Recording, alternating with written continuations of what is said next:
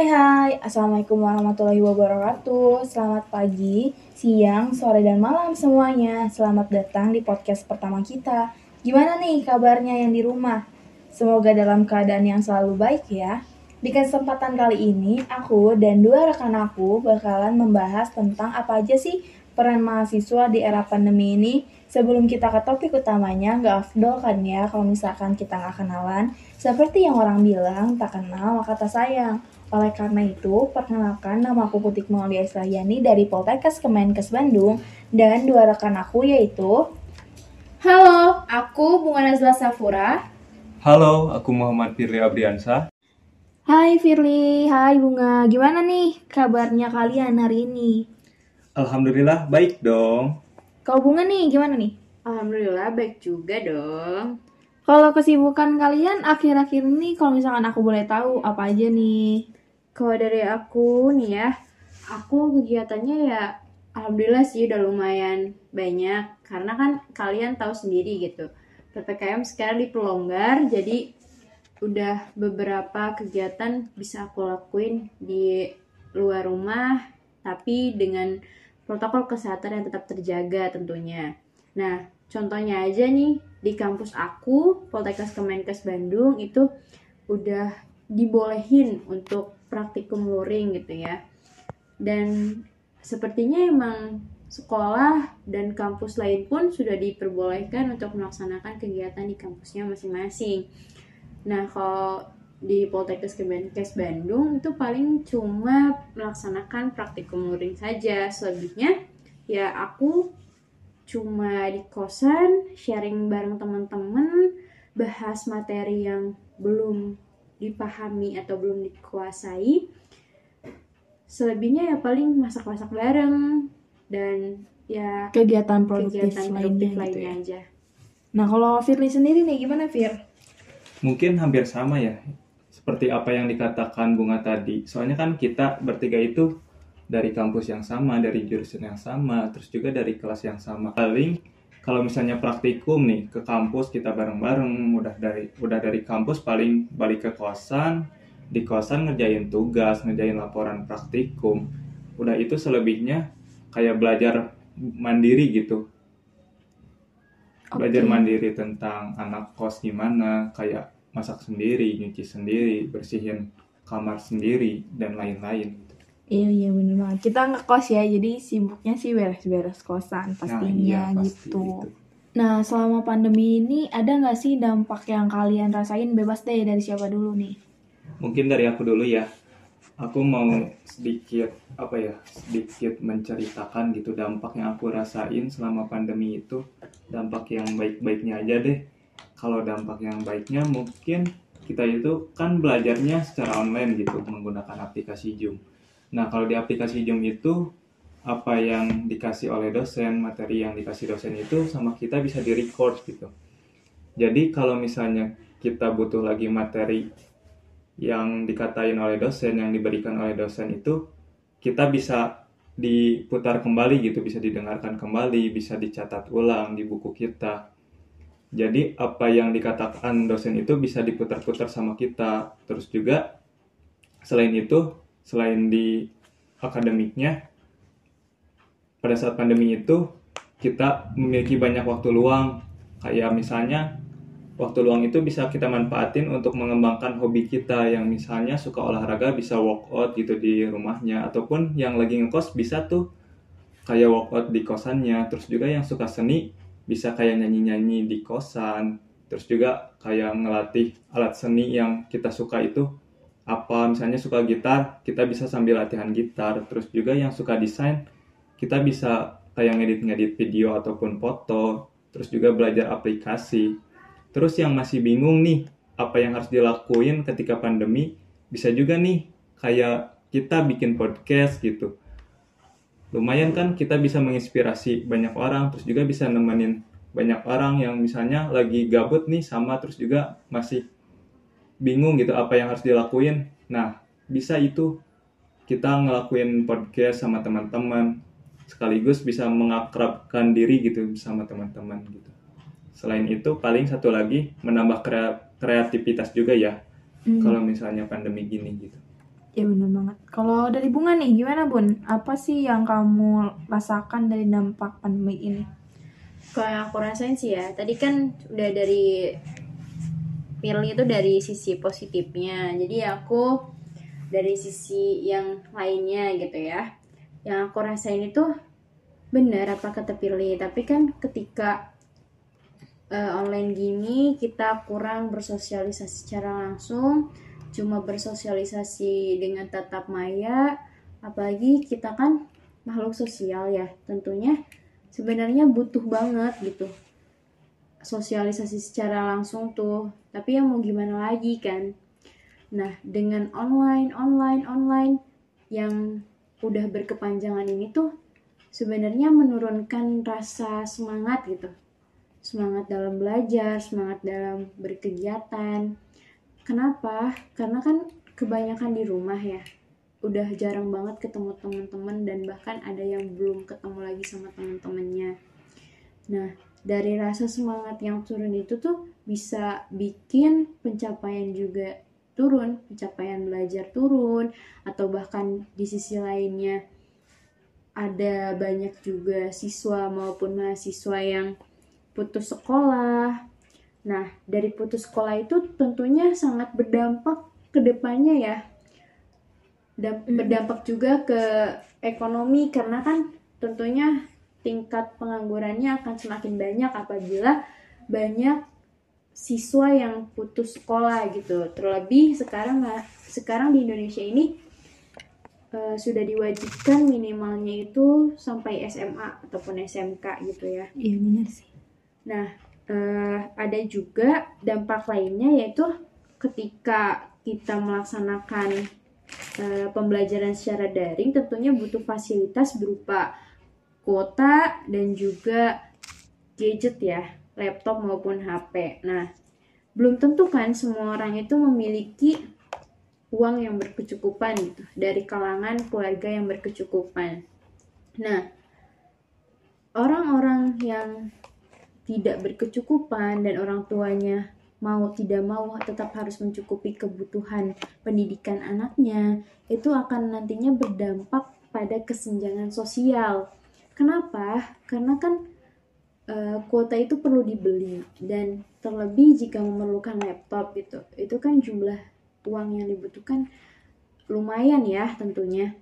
Nah, jadi itu bisa saja orang tua malah melakukan tindakan kriminal di luar sana gitu untuk memenuhi kebutuhan anaknya.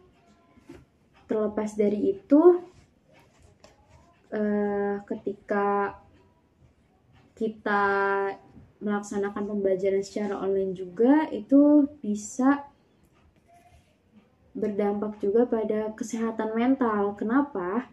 Karena ketika anak berada di rumah, apabila keluarganya tidak harmonis, itu akan sangat mengganggu pemikiran kepada anak tersebut yang nantinya akan memecah fokus pada kegiatan pembelajaran. Nah, tadi nih aku kelewat soal uh, pembelajaran online yang butuh kuota tentunya butuh sinyal. Nah, sinyal di Indonesia ini belum merata ya tentunya. Uh, belum sampai ke pelosok-pelosok daerah gitu. Masih susah untuk mendapatkan sinyal. Jadi kadang banyak juga yang akhirnya memilih untuk putus sekolah itu ya karena tidak bisa sinyalnya pun tidak terjangkau gitu. Selanjutnya yaitu ada juga dampak dari budaya gitu ya. Kita dapat lihat dari pariwisata berupa museum ataupun pariwisata lainnya gitu. Dengan ditutupnya hmm, tempat wisata itu tuh membuat juga orang-orang yang berjualan di sana yang bermata pencaharian sebagai pedagang itu jadi hilang hmm, pekerjaannya gitu. Nah, Gak cuman pedagang kali ya, kayak misalkan yang pengelola juga, kayak misalkan di uh, di kebun binatang, di di museum itu kan seharusnya mereka bekerja setiap hari gitu. Sedangkan pas pandemi ini kan gak dibolehin gitu. Mungkin jadi juga efeknya mm, jadi mungkin aja ditutupkan gitu si tempat wisata Iya. itu. Efeknya juga ke ekonomi kali ya. Kayak misalkan angka kemiskinan di Indonesia itu naik sebesar 0,36% daripada tahun sebelumnya kayak gitu. Kan dari tadi kita udah ngebahas COVID-19 nih. Sebenarnya apa sih COVID-19 itu?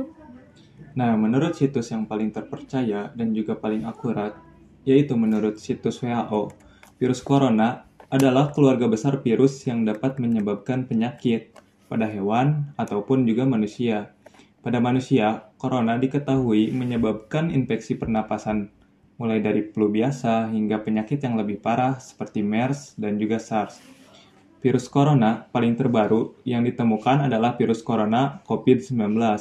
Virus ini termasuk penyakit menular dan baru ditemukan di Wuhan, Cina pada Desember 2019. Nah, kalau itu kan tadi di Cina ya. Kalau misalkan di Indonesia-nya sendiri, eh, virus COVID-19 itu pertama kali terjadi sekitar bulan Februari 2020 dengan dua orang pertama yang terjangkit di Indonesia. Puncaknya sih pas bulan Juli 2021 kemarin gitu. Ada sekitar 574 ribu kasus orang yang terjangkit virus ini. Tapi syukurnya kasus di Indonesia itu udah mulai menurun. Dan kabar terbaru banget nih pas tanggal 8 November kemarin, kita mengalami kasus terendah selama pandemi ini, yaitu sekitar 244 kasus baru yang terjadi. Nah, dari kalian sendiri ada nggak sih yang ngalamin gejala-gejala COVID? Kan gejala COVID banyak nggak sih? Iya, betul. Aku, aku pernah ngalamin. Iya, oke. Karena aku pernah terpapar virus COVID-19 dulu. Ba- dari banyaknya gejala COVID-19 itu tuh, aku ngalamin gejala demam, lemas, terus kemudian pusing, terus yang akhirnya berdampak pada indera penciuman aku dan juga pengecapan aku. Jadi kalau ketika aku nyium wangi-wangian ataupun bau gitu, itu nggak tercium sama sekali. Dan ketika aku makan juga rasanya hambar. Itu sih paling gejalanya. Dan ada juga nih ya, aku sebutin gejala COVID yang paling umumnya itu ya demam, batuk, kelelahan, terus kehilangan rasa dan bau yang kayak tadi aku alamin itu. Terus ada juga gejala yang kurang umumnya gitu, yang tidak umum. Biasanya itu eh, masuk pada sakit tenggorokan, terus sakit kepala, diare, ataupun munculnya ruam pada kulit, bahkan hingga mata merah. Nah, ketika mengalami tahap yang mungkin gejalanya lebih serius itu bisa ditandai dengan kesulitan bernafas seperti sesak nafas dan juga kesulitan berbicara serta nyeri dada. Nah, ada juga orang yang terpapar ada juga orang yang terpapar virus COVID-19 ini tapi tanpa gejala. Nah, justru orang-orang tersebutlah yang berbahaya Iya bener banget sih. Atau OTG OTG itu kan. yang biasa disebutnya itu OTG orang tanpa gejala. Nah itu tuh yang benar-benar berbahaya. Kenapa? Karena tanpa disadari dia pun tidak mengetahui bahwa dalam dirinya terdapat virus COVID-19 yang akhirnya menularkan kepada banyak orang gitu ketika dia berinteraksi. Ya bener banget sih, bener banget. Kayak yang tadi udah Bunga bilang gitu ya, kalau misalkan orang yang paling berbahaya itu sebenarnya sih orang yang gak ngerasain gejala apa pun gitu. Tanpa dia sadari, dia menyebarkan ke orang-orang lain di sekitarnya. Dia nggak sadar aja kalau misalkan ada virus di dalam tubuhnya. Nah, mungkin kita lanjut aja gitu ya ke topik selanjutnya. Eh, kita kan mahasiswa, menurut kalian peran mahasiswa itu yang bisa dilakukan di era pandemi ini apa sih? Dari siapa dulu deh bebas. Boleh dari aku dulu. Boleh? Sebelum kita membahas tentang peranan mahasiswa, alangkah baiknya kita membahas dulu perbedaan antara mahasiswa dengan siswa. Nah, untuk mahasiswa kan sebelumnya, sebelum kata siswa itu ada kata maha, yang artinya itu lebih tinggi gitu. Dan juga lebih, derajatnya lebih di atas. Nah, untuk peranan mahasiswa, mahasiswa itu kan dituntut untuk menjadi agen perubahan, untuk eh, menjadi agen yang membawa terhadap Perubahan. kebenaran gitu ya, perubahan. Dan juga untuk peranan mahasiswa di era pandemi ini yang paling berpengaruhnya yaitu penyuluhan. Tapi sebelum melakukan penyuluhan terhadap masyarakat, alangkah baiknya kita melakukan penyuluhan terhadap keluarga dulu, kerabat dulu, teman-teman terdekat yang kita miliki dulu gitu. Untuk keluarga bisa saya ambil contoh, tentunya kan setiap keluarga memiliki WA group keluarganya masing-masing gitu. Untuk WA group kan kadang banyak yang menyebarkan berita hoax tentang COVID yang belum pasti tentang COVID. Nah, sebagai mahasiswa kita itu harus memiliki peran meluruskan gitu antara mana berita yang benar-benar hoax dan juga berita yang benar gitu. Yang udah ada faktanya. Nah, yang gitu. udah ada faktanya. Jadi kita itu harus berusaha untuk memberikan fakta yang lebih akurat dan juga jelas supaya keluarga pun yakin bahwa COVID itu ada. COVID itu bukan hanya sekadar penyakit yang apa ya, Yang dibesar-besarkan yang oleh dibesar-besarkan TV gitu. oleh media gitu. Iya benar sih. Nah, kalau menurut Bunga sendiri apa sih peran mahasiswa yang bisa dilakukan gitu? Kayak contoh kecilnya dulu ya kita ambil. Kita kan mahasiswa nih. Otomatis kita bisa juga nih pengaruhin orang-orang sekitar lewat sosial media. Kita beraktivitas di rumah, melakukan kegiatan yang produktif. Itu tuh bisa motivasi orang-orang juga untuk berkegiatan produktif juga di rumah. Contohnya, misalkan kita nih lagi masak bukannya kita pamer tapi kita videoin dan kita update di story IG dengan caption hari sekian pandemi dengan tema makanan sehat gitu contohnya Mantap. Mantap banget sih. atau enggak eh, dengan ketika kita workout nih kan otomatis nih apalagi kaum milenial nih terutama cewek itu kan pengen tuh badannya bagus. Nah kita update keseharian kita ketika workout gitu.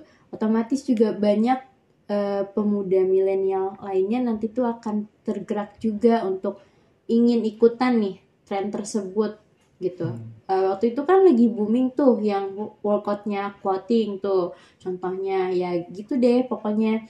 Eh, contoh kecilnya kayak gitu ya teman-teman. Nah ada juga contoh besarnya itu ketika kita peran berperan sebagai pelaksana eh, webinar gitu ya.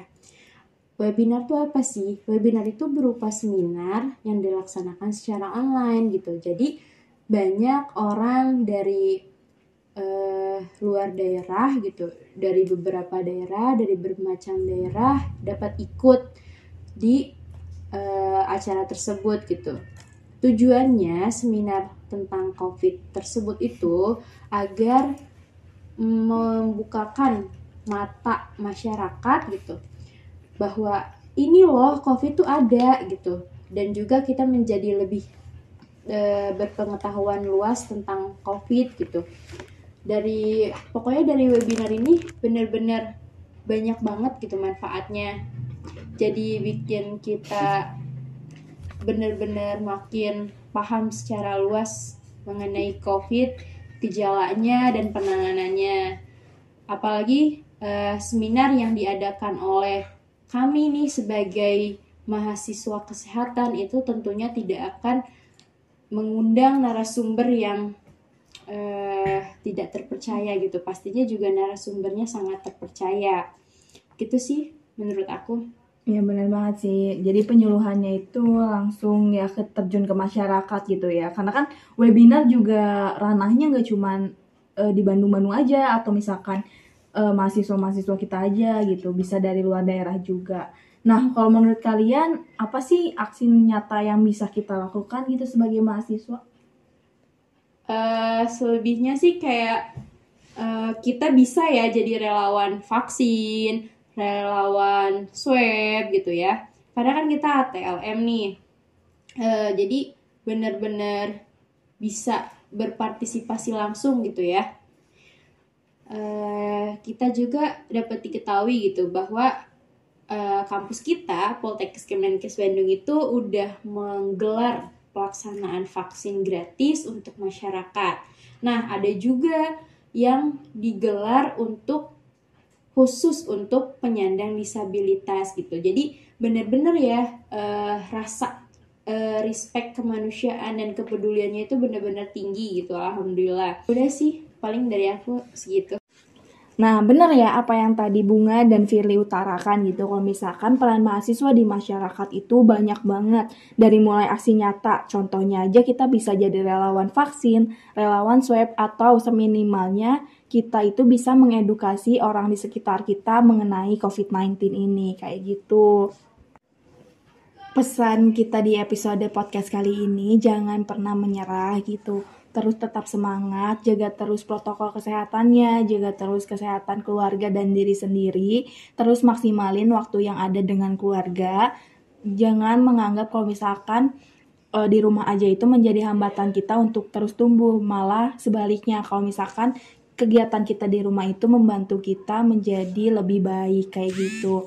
Tetap semangat. Dadah, sampai jumpa di podcast lainnya. Wassalamualaikum warahmatullahi wabarakatuh. See you.